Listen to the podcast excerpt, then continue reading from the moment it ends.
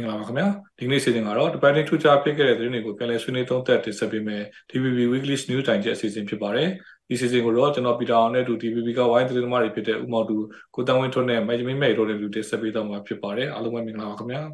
ဟုတ်ကဲ့အခုသတင်းပတ်တယ်မှာထူးခြားတဲ့သတင်းဖြစ်စဉ်တွေကတော့မြန်မာစစ်တပ်ရဲ့ဒီနျူကလ িয়ার အစီအစဉ်နဲ့ပတ်သက်ပြီးတော့နိုင်ငံသားတိုင်ဝမ်အနေနဲ့အာတေချာစောင့်ကြည့်စစ်ဆေးဖို့ဆိုပြီးတော့ကုလသမဂ္ဂဆိုင်ရာအမြဲတမ်းကိုယ်စားလှယ်မြန်မာတပ်မကြီးဦးကျော်မိုးထွန်းကကုလသမဂ္ဂမှာဒါပြောဆိုလိုက်တဲ့သတင်းနောက်ဒီအရတားပြည်သူတွေပေါ်မှာပြစ်မှတ်ထားတိုက်ခိုက်နေတဲ့ဒီစစ်ကောင်စီရဲ့ဒီငင်းငယ်ညီလာခံကိုအယုံကြည်မရှိဘူးဆိုပြီးတော့ဒါလူခွေဆိုင်ရာအာဆီယံလွတ်တော်အမတ်များအဖွဲ့ APHR ကထုတ်ပြန်ပြောဆိုလိုက်တာ။နောက်မြန်မာနိုင်ငံအနှံ့ပြားမှာဒါရသားပြည်သူတွေပေါ်မှာဘုံကျဲတိုက်ခိုက်နေတဲ့မြန်မာစစ်တပ်ကိုဒါဖြစ်နိုင်တဲ့နီလန်အားလုံးနဲ့အရေးယူဖို့ဆိုပြီးတော့ပြည်တွင်းပြည်ပရပ်ဖက်အဖွဲ့အစည်း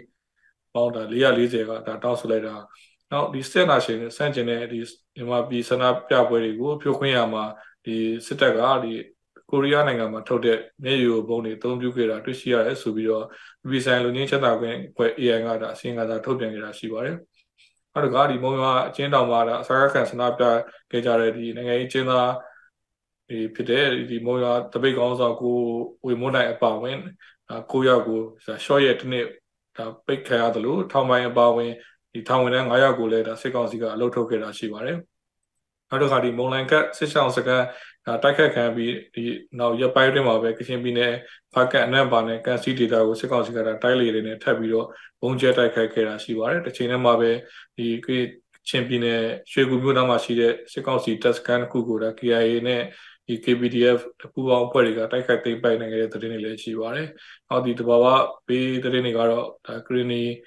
ပြည်နယ်ဒီလိုက်ကော်မြို့နာကဒီဘလူးချောင်းကြီးမြင့်တက်လာလို့ဒါချောင်းဘေးမှာနေထိုင်တဲ့ပြည်သူတွေတောင်းနဲ့ချီပြီးတော့ ပြေလို့ရအောင်ဒါရွှေပြောင်းနေကြရှိသလိုရန်ကုန်တိုင်းဒီရှေ့တကုံဘက်မှာလည်းဒါပြည်သူတွေရေဘေးဒုက္ခနဲ့ကြုံတွေ့နေရတဲ့သတင်းတွေရှိပါတယ်။နောက်ဒီစီးပွားရေးသတင်းတွေဘက်မှာတော့ဒီ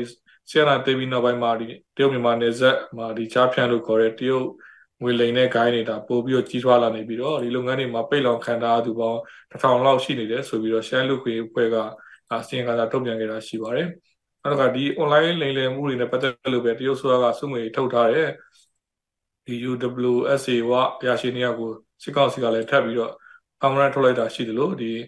online လောင်းစားရည်နဲ့ဆက်နယ်လက်ဒီဖန်ဆီးထားတဲ့ဒီ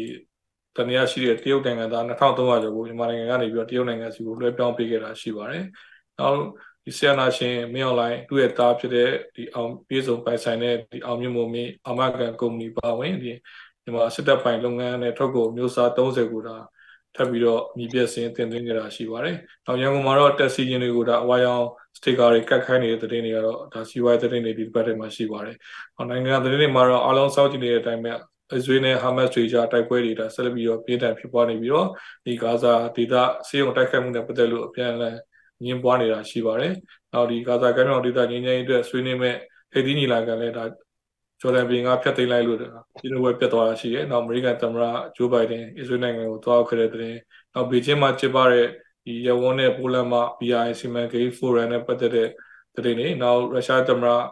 နဲ့ဒီကမ္ဘာခေါင်းဆောင်တွေဘေကျင်းမှာသွားပြီးတော့တရုတ်သမ္မတနဲ့ဒါတွေ့ဆုံခဲ့တဲ့တဲ့တွေကဒီတစ်ပတ်နိုင်ငံတကာသတင်းစာမျက်နှာတွေမှာဒါမြင်တွေ့ရပါတယ်အဲ့တော့ပထမဆုံးအနေနဲ့ဒီဘေကျင်း BI ဖိုရမ်နဲ့ပတ်သက်ပြီးပဲအရင်ဆုံးသုံးသပ်ဆွေးနွေးကြပါတယ်ဒီ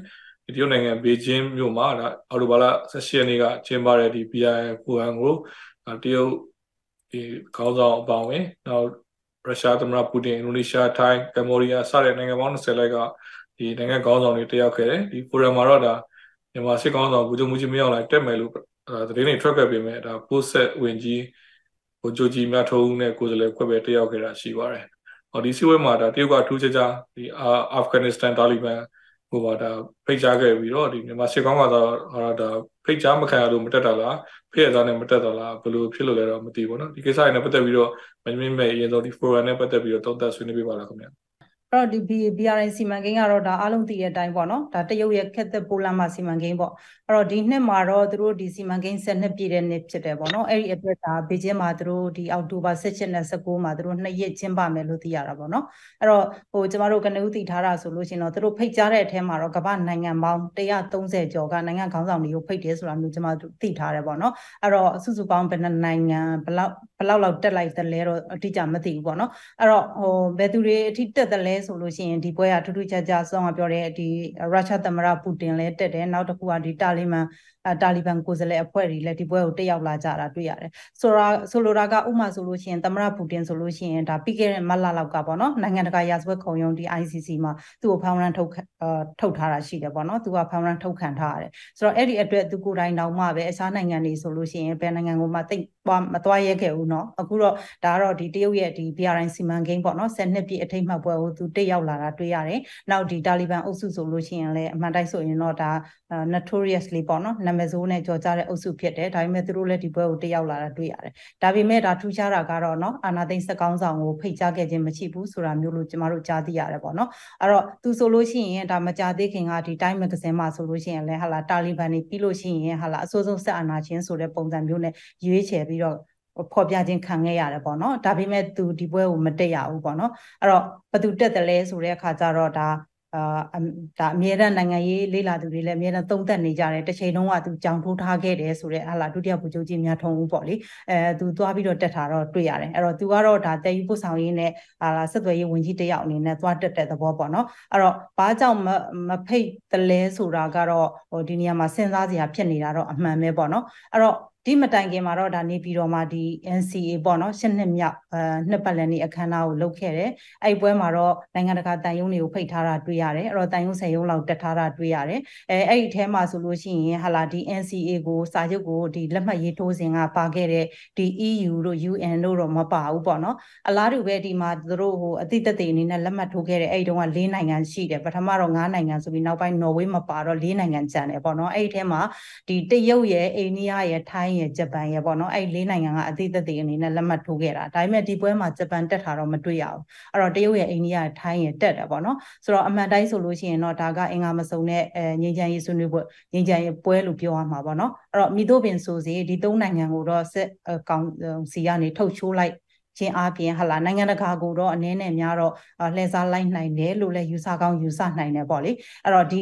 NCA နှစ်ပတ်လည်ပွဲမှာဒီတရုတ်ဘက်ကကြတော့ဒါ Mr. တိန့်ရှီကျွန်းတက်တာပေါ့လေသူကတော့ဒါတရုတ်နိုင်ငံသားရေးဝန်ကြီးဌာနရဲ့ဒီဒီအာချရေးရအထူးကိုယ်စားလှယ်ပေါ့အဲ့တော့ ဒီဒီနှစ်စပိုင်းမှာဆိုလို့ရှိရင်သူ့ကိုပို့ပြီးတော့တတိထားမိတာကတော့ဒီတရုတ်ဗဟိုအစိုးရနဲ့ဒီနေဇက်ကတိုင်းသားလက်နက်ကင်တွေကြားထဲမှာလွန်မြန်ခရီးသွားပြီးတော့အခြေလဲဆွေးနွေးခဲ့တဲ့လူမျိုးပေါ့နော်အဲ့တော့ဒါကိုကြည့်မယ်ဆိုလို့ရှိရင်တစ်ဖက်ကပြန်ကြည့်လိုက်တော့တရုတ်အနေနဲ့စက်ကောင်စီကိုဆက်ဆံတဲ့အခါမှာသူကအဖိနဲ့အဖော်နဲ့ဆက်ဆံနေတဲ့သဘောမျိုးတော့ရှိတယ်အဲ့တော့စက်ကောင်စီဘက်ကတော့ဟာလာဒီတရုတ်ဘက်ကအတိမတ်ပြုတာကိုလိုချင်ပုံရတယ်ဟာလာလိုချင်ပုံရလို့လေဒီတရုတ်စီမံကိန်းတစ်လျှောက်ပေါ့နော်လမ်းကြောင်းရှင်းတာတွေလုပ်ပေးနေတယ်ဥမာဆိုလို့ရှိရင်ပြီးခဲ့တဲ့ဒါဒီတကိုးရက်နေကမုံလိုင်းခက်စစ်ကြောင်အာ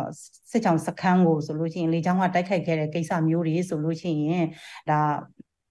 လက်နှစ်ကြီးနဲ့ထုတ်ခဲ့တဲ့ကိစ္စတွေရှိတယ်ပေါ့နော်ဒါဆိုလို့ရှိရင်လည်းဟာလာဒီဒီနောက်ပိုင်းထုတ်ပြန်ချက်တွေမှာအာတွေ့ရတာကဒီဒီ ဒီ BRI လမ်းကြောင်းနဲ့အနီးတစ်ဝိုက်မှာရှိနေတဲ့နေရာဖြစ်တဲ့အတွက်ဒါကိုလမ်းကြောင်းရှင်းတယ်ဆိုတော့ယူဆချက်တွေနဲ့ထုတ်ပြန်ထားတာတွေ့ရတာပေါ့လေအဲ့တော့နောက်တစ်ခုကဒီပြီးခဲ့တဲ့အောက်တိုဘာလ16ရက်ပေါ့15ရက်နေ့က NCA နှစ်ပတ်လည်နေ့အဲပွဲကျင်းပပြီး16ရက်နေ့မှာဒီစကောင်းဆောင်ပြောတဲ့ဟာတစ်ခုရှိတယ်ပေါ့လေအဲ့ဒါကဘာလဲဆိုတော့ဒီဆုံးမကိုပီတာပြောတဲ့ထဲမှာလည်းပါပါတယ်ဒီနေဆက်ဒေတာကိုအခြေပြုအာနေဆက်ဒေတာမှာဖြစ်တဲ့ကြားဖြန့်ခိုင်းနေပေါ့နော်အဲ့တော့နေဆက်ဒေတာကိုအခြေပြုပြီးတော့ဒီအိန္ဒိယနိုင်ငံတွေရဲ့အကျိုးစီးပွားကိုဟာလာ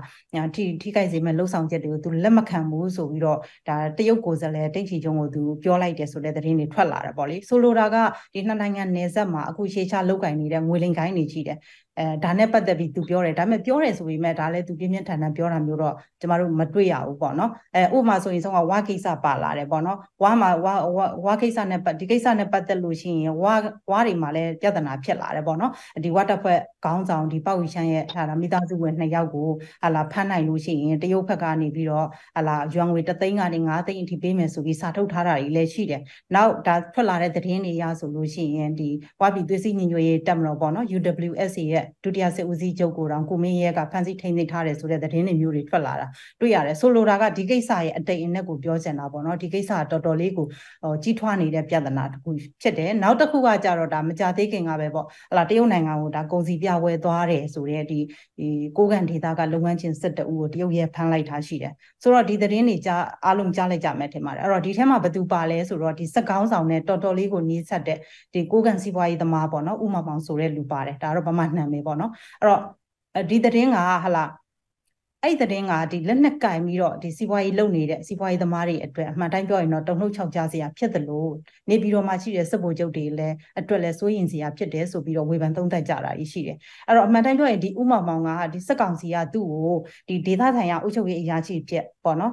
ခန့်အပ်ထားတယ် အဲ့လိုယာတုမျိုးကိုတောင်ပေးထားတယ်အသူကိုယ်တိုင်ကလည်းဟလာဒီဘွဲတုကုံလူတွေပေးထားပြီးတော့ဟလာသူတို့လေရွေးစင်ပေါ့ခရိုနီအရောက်တရားစီရင်ထဲမှာတော့ထည့်ထားတဲ့သူဖြစ်တယ်အဲ့တော့ဒီစစ်တအုပ်ကိုဖမ်းပြီးတော့ဟလာဘေကျင်းကစစ်ကြောရေးစခန်းပို့ထားတယ်ဆိုတာမျိုးအခုကြားတာပေါ့နော်အဲ့ဒီနောက်ဆက်တွဲအခြေအနေကိုတော့ကျမတို့မသိရဘူးဆိုတော့ဒီဒုစရိုက်ခိုင်းတွေ အေးကောဒီနေပြည်တော်မှာရှိတဲ့အဲစကောင်းဆောင်ပိုင်းနေနဲ့ဘယ်လောက်ပတ်သက်မှုရှိနေသလဲဘီကင်းအစိုးရကရောဒါကိုဘယ်လိုစဉ်းစားနေသလဲတော့ပေါ့နော်ဘာဖြစ်လို့လဲဆိုတော့ဒီဘယ်လိုပြောမလဲဆိုတော့ဒီကိစ္စနဲ့ပတ်သက်ရင်တရုတ်နိုင်ငံဘက်ကလည်းတော်တော်ထိခိုက်နေဒုက္ခရောက်နေတာရှိတယ်သူနိုင်ငံသားတွေကိုယ်တိုင်ဒီထဲမှာဒုက္ခရောက်နေတာရှိတယ်လို့ငွေလိမ်ငိုင်းနေကြောက်သူစုစုပေါင်းဆုံးကျုံသွားတဲ့ပမာဏက20ဘီလီယံလောက်ရှိပြီဆိုပြီးတော့ပြောထားတာလည်းရှိတယ်ပေါ့လေအဲ့တော့နောက်တစ်ခုကတော့မပြေးတော့ကန်ရရှိဒီငွေလိမ်ခိုင်းတွေကအသုံးပြုနေတဲ့စင်ကတ်တွေကမိုင်တဲ့စင်ကတ်တွေဖြစ်နေတယ်ဆိုတော့ဒီကိစ္စနဲ့ကိုပတ်သက်မလားပေါ့နော်စဉ်းစားစရာတွေတော့အများကြီးရှိတယ်ပေါ့နော်အဲ့တော့ကျမတို့ခြုံငုံပြီးတော့စဉ်းစားကြည့်မယ်ဆိုရင်တော့တလုံးနဲ့ပြောမယ်ဆိုရင်တော့ legitimacy ပေါ့နော်တရုတ်ကိုယ်တိုင်က legitimacy အပြည့်အဝမပေးဘူးဆိုတဲ့သဘောတရုတ်ကိုယ်တိုင်ကိုကနိုင်ငံတော်အကြီးအကဲတယောက်လို့သဘောမထားဘူးလားဆိုတဲ့ပုံစံမျိုးတော့ဖြစ်နေတာပေါ့လေ ကျွန်တော်ဒီ BI စီးဝင်တဲ့တစ်ဆက်တည်းပဲဒီရုရှားသမ္မတပူတင်ဒီဘေကျင်းကိုတွားပြီးတော့ဒါတရုတ်ခေါင်းဆောင်နဲ့တွေ့ဆုံရတာရှိဒီကြောင်းနဲ့ပတ်သက်ပြီးတော့ဟိုတောင်းတဆက်ပြီးတော့ဆွေးနွေးပြပါအောင်ခင်ဗျာပူတင်အတွက်ကတော့ပူတင်အတွက်ကတော့ဒါဆက်ဆက်ပါပါနိုင်ငံကခရီးစဉ်လို့ပြောလို့ရတယ်အဲနောက်ပူတင်နဲ့အာရှီကျင်းပြင်နဲ့အာ brother ပေါ့လေနော်သူတို့သူတို့ရဲ့ dear friend ပေါ့လေအဲ သူတို့ရဲ့ယုံကြည်မှုကပို့ပြီးတော့ခိုင်မာလာတယ်ပေါ့အဲအဲ့ဒါမျိုးတွေပြောစီးကျူးနေကြတယ်အဲဒီတရုတ်ကစီးကျင်းပြင်ရလဲသူ့ရဲ့ BRI စီမံကိန်းကဒီတမိုင်း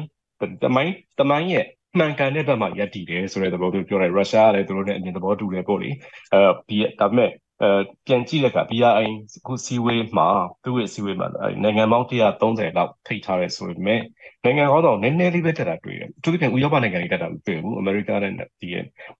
မာမိတ်နိုင်ငံတွေတက်တက်တာမတွေ့ဘူး။အဲတော့အဲဆိုတော့ဒီအာဆီယံတွေကဆိုလို့ရှိရင်အင်ဒိုနီးရှားအာသမ္မတတက်တာတွေ့တယ်။နော်ပူတင်နဲ့ဒါပေမဲ့အဲ့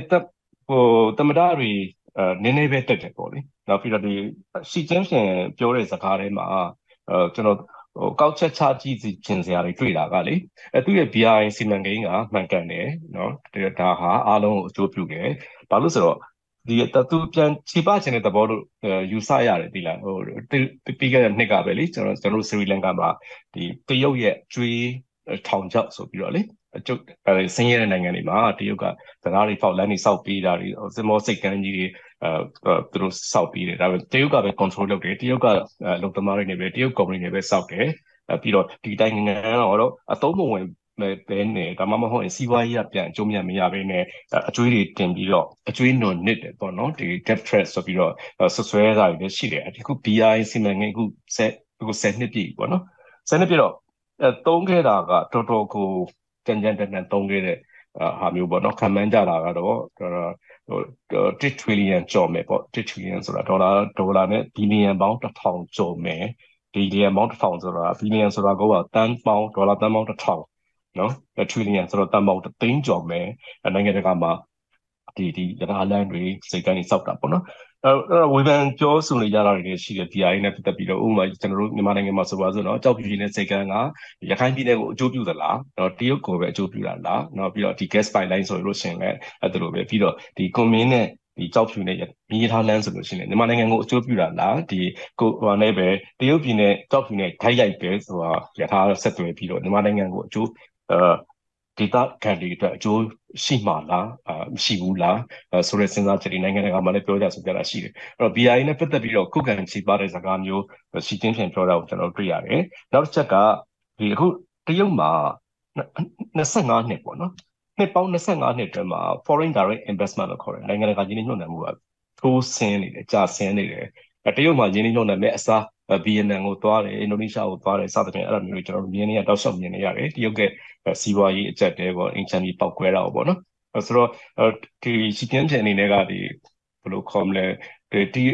တရုတ်ကိုမိခိုတာကို short ချနေတယ်ဆိုတော့ဥရောပနိုင်ငံတွေမှာတွေ့နေရတယ် de risking လို့တုံးတယ် decoupling လို့သုံးတယ်ပေါ့နော်တရုတ်ကိုနည်းနည်းခတ်ခွာခွာ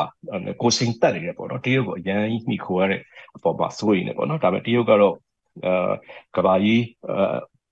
ကဘာကြီးစင်ပြေရင်စီတရုတ်လည်းစင်ပြေတယ်စီရုပ်တရုတ်နိုင်ငံစီဝါရေးစင်ပြေရင်ကဘာကြီးလည်းစင်ပြေတယ်တရုတ်နိုင်ငံရဲ့ဖွံ့ဖြိုးတိုးတက်မှုဟာတခြားနိုင်ငံတွေကိုချင်းချောင်းမှုမဟုတ်ဘူးစသဖြင့်ပေါ့နော်သူခုခံခြေပါတဲ့အဲမှာကျွန်တော်ရတဲ့တွေ့တဲ့အရေးအငွေ့တွေ့ရတဲ့ကတော့လေတရုတ်နိုင်ငံကိုစီဝါရေးကျဆင်းနေတဲ့အပေါ်မှာအဲ့ဒီအနောက်နိုင်ငံတွေကိုအပြစ်တင်တာပေါ့နော်အဲအဲ့လိုမျိုးအပြစ်တင်တာတွေတွေ့တယ် DRA နဲ့ပတ်သက်ပြီးတော့မှန်ကန်တယ်ပေါ့နော် ဒါဆက်ဆက်ကြည့်တယ်ဆိုလို့ရှိရင်ဒီကဟိုလာရရပဲလေနိုင်ငံခြားရေးဝန်ကြီး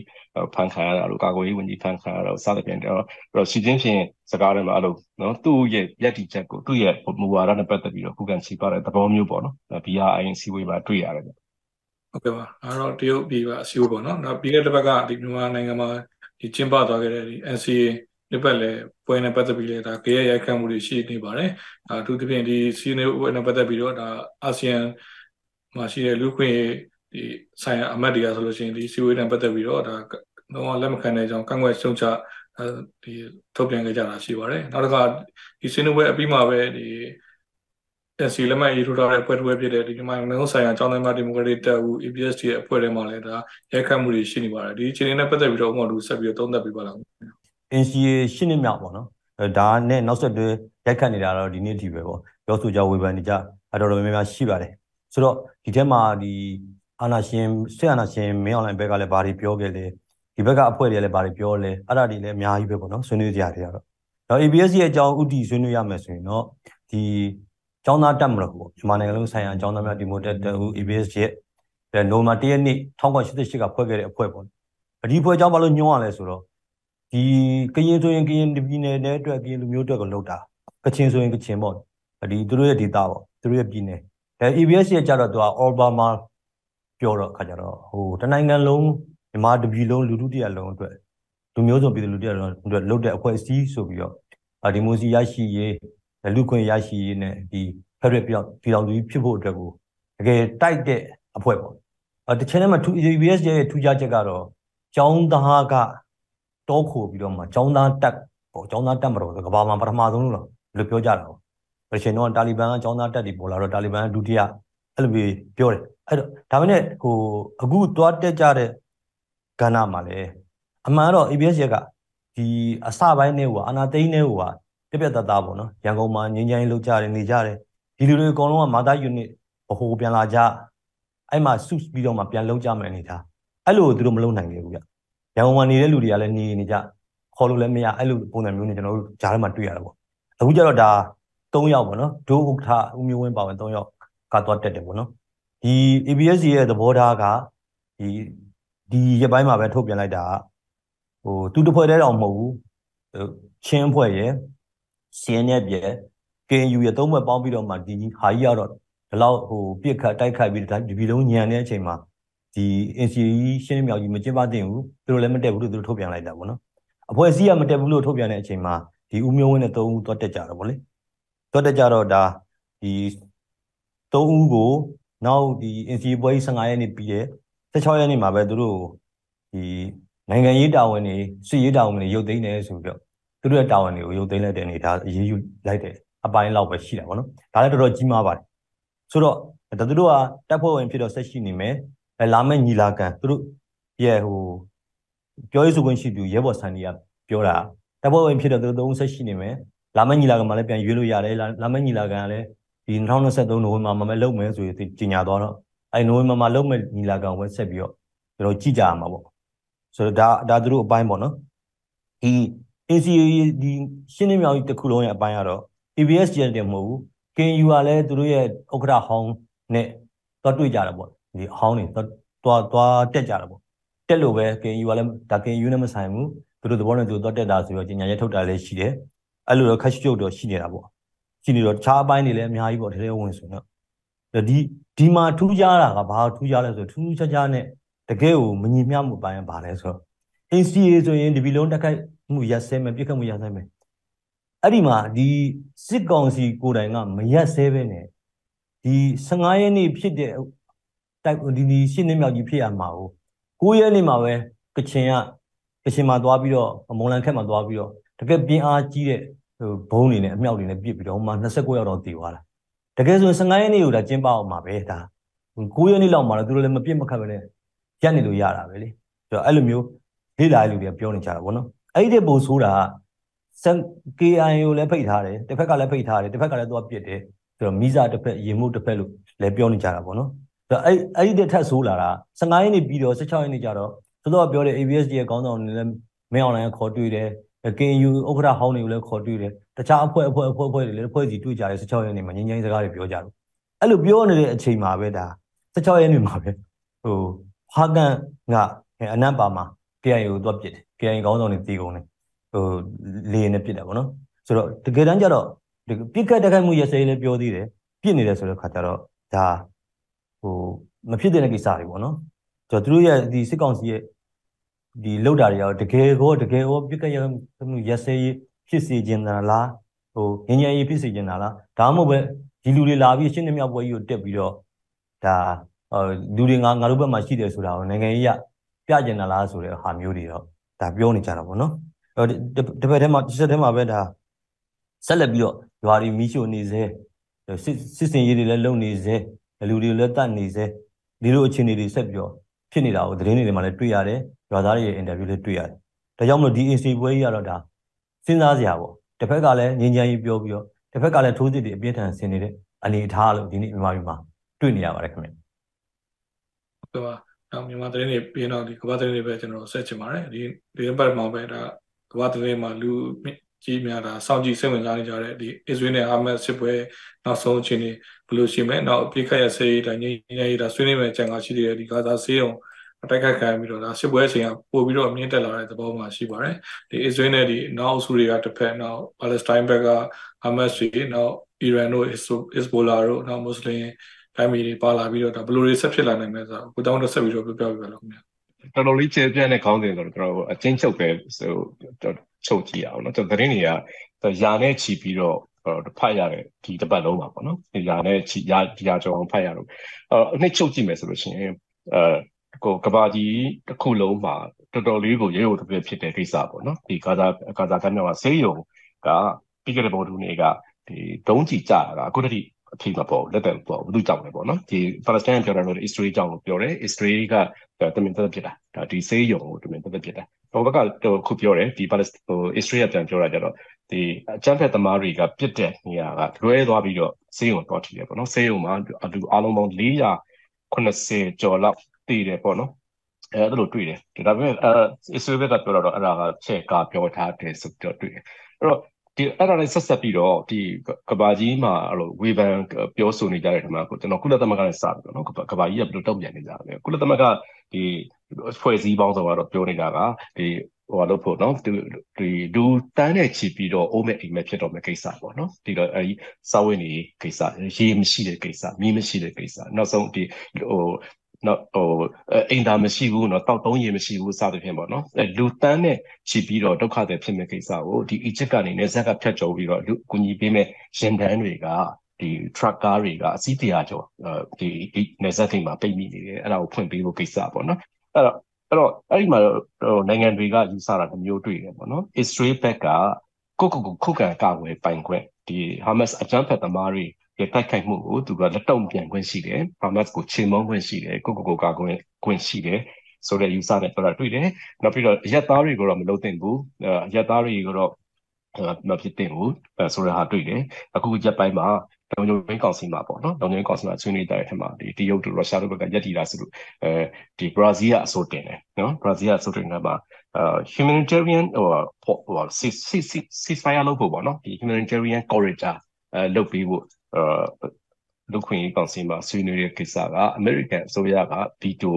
နဲ့ပယ်ချတယ်ရုရှားဘက်ကပြောရတဲ့မှာလည်းဟိုပြစ်တင်ရှုတ်ချဖို့ Israel ကိုပြစ်တင်ရှုတ်ချဖို့ဒီပါတယ်ရုရှားဘက်ကအဆိုပြုရတဲ့မှာ amendment ပေါ့နော်အဲ့ဒီစာကြောင်းပြင်းနေစီတော့မအောင်မြင်နိုင်ဘူးအဲ့တော့ UK ကမဲပေးတာမတွေ့ဘူးပြင်သစ်ကမဲမပေးတာမဲပေးတာမတွေ့ဘူးအဲ့ဒါဒါပေမဲ့ US ကဗီတိုသုံးတယ်ဆိုတော့အဲ့မှာလည်းပြတ်သွားတယ်ပေါ့လေအဲ့တော့ US ကကြတော့ဒီ Biden ကိုယ်တိုင် Israel ကိုသွားတယ် ဘိုင်ဒန်ပြောတဲ့အထက်မှာကျွန်တော်ကြားလိုက်တာပေါ့နော်ကြားလိုက်တဲ့စကားလုံးကဒီ911မှတ်မိတယ်ဒီ911ကဒီအချမ်းဖက်တိုက်ခိုက်တဲ့အခါမှာအမေရိကန်တနိုင်ငံလုံးကအရန်ဒေါ်လာထွက်ကြတယ်ရန်ဒေါသထွက်တော့ဒေါသနဲ့ပွန်ပြီးတော့စိတ်နောက်ကိုပါဖြစ်တယ်ပေါ့နော်အဲ့တော့အမေရိကန်မှာအဲ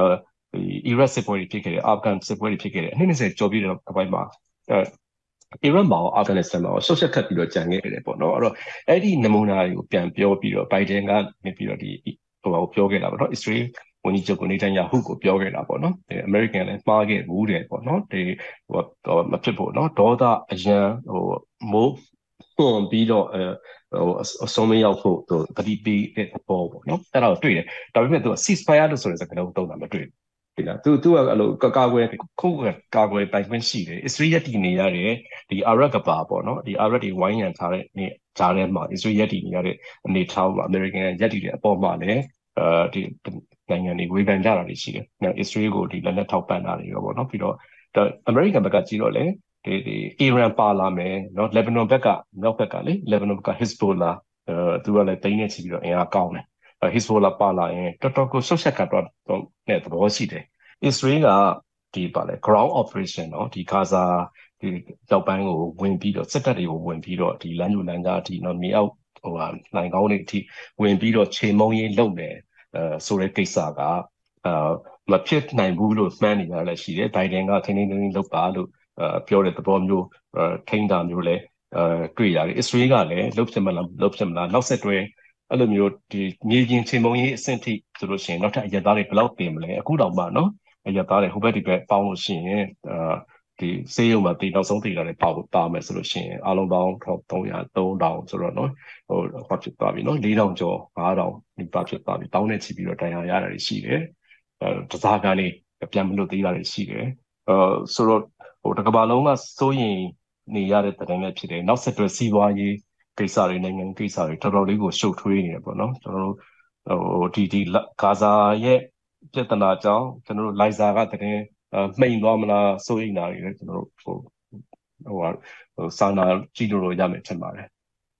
ဟုတ်ကဲ့ပါအခုဒါဂါဇာစစ်ပွဲနဲ့ပတ်သက်ပြီးတော့မိုင်းမိမဲ့ရေးလည်းအမြင်လည်းသိချင်ပါတယ်ကျွန်တော်ဆက်ပြီးတော့ဗောနော်ဒါခုနကပြောလို့ဒါဂါဇာစစ်ပွဲစဖြစ်တဲ့ကဒီယူကရိန်းအရေးကလည်းဒါမိမိတော့လို့မြန်မာအရေးကတော့ပို့ပြီးတော့ကမ္ဘာသတင်းဆောင်မြင်နိုင်မှာမိမိသွားတဲ့အခြေအနေလေးဖြစ်သွားပါတော့အဲ့တော့မိမိရဲ့အမြင်လေးသိချင်ပါတယ်ဒီဂါဇာစစ်ပွဲနဲ့ပတ်သက်ပြီး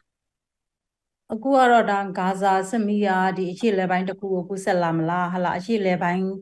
စစ်မီးကနေပြီးတော့တကဘာလုံးကိုကူးဆက်လာနိုင်သလားဆိုတဲ့အထိတွေးပူနေကြရလဲရှိတာပေါ့လေအထူးသဖြင့်ဒီစစ်ပွဲကိုအီရန်ပါလာမှာဟလာဒါမှမဟုတ်လို့ရှိရင်လည်းအီရန်ရဲ့လက်တံဖြစ်တဲ့လက်ဘနွန်တောင်ပိုင်းကဟက်စဘိုလာတွေပါလာမှာကိုစိုးရိမ်နေကြတယ်ဒါကြောင့်လည်းအမေရိကန်ကနေပြီးတော့သူ့ရဲ့လီယင်တင်သင်းဘောနှစ်စင်းကိုဒါမြေထဲပင်လယ်အခြေချမ်းကိုပို့ထားတယ်ပေါ့နော်အဓိကကတော့ဟက်စဘိုလာတွေက S3 တဲ့ကိုဟလာတုံးကြီးတွေနဲ့ပြစ်တယ်ဆိုရင်သူကာကွယ်လို့ရအောင်ပို့ထားတဲ့သဘောပါဟန့်တဲ့သဘောလဲပါမှာပေါ့လေအဲ့တော့အခုကတော့နေရာတော်တော်များများမှာဟလာပါလက်စတိုင်းထောက်ခံရေးဟလာ S3 ရှုံချရေးဆန္ဒပြပွဲတွေလည်းတောင်းဆိုနေကြတာတွေကရှိတယ်အဲ့တော့ Australia ဘက်ကကြည့်တော့လည်းအတော်ဝမ်းနည်းစရာကောင်းပါတယ်အဲ့တော့တကယ်တော့ဒီတိုက်ခိုက်မှုကိုစခဲ့တာက Hamas Hamas တွေဘက်ကစပြီးတော့တိုက်ခိုက်တာပေါ့အဲ့တော့ကုန်းချောင်းကရောလေချောင်းကရောတပြိုင်နက်တည်းတိုက်ခိုက်တာပေါ့လေဆိုတဲ့အခါကျတော့အဲ့တော့ဒီစစ်ပွဲရဲ့အနေအထားကဒီလောက်ထိကြီးမားလာတယ်စောစီစီ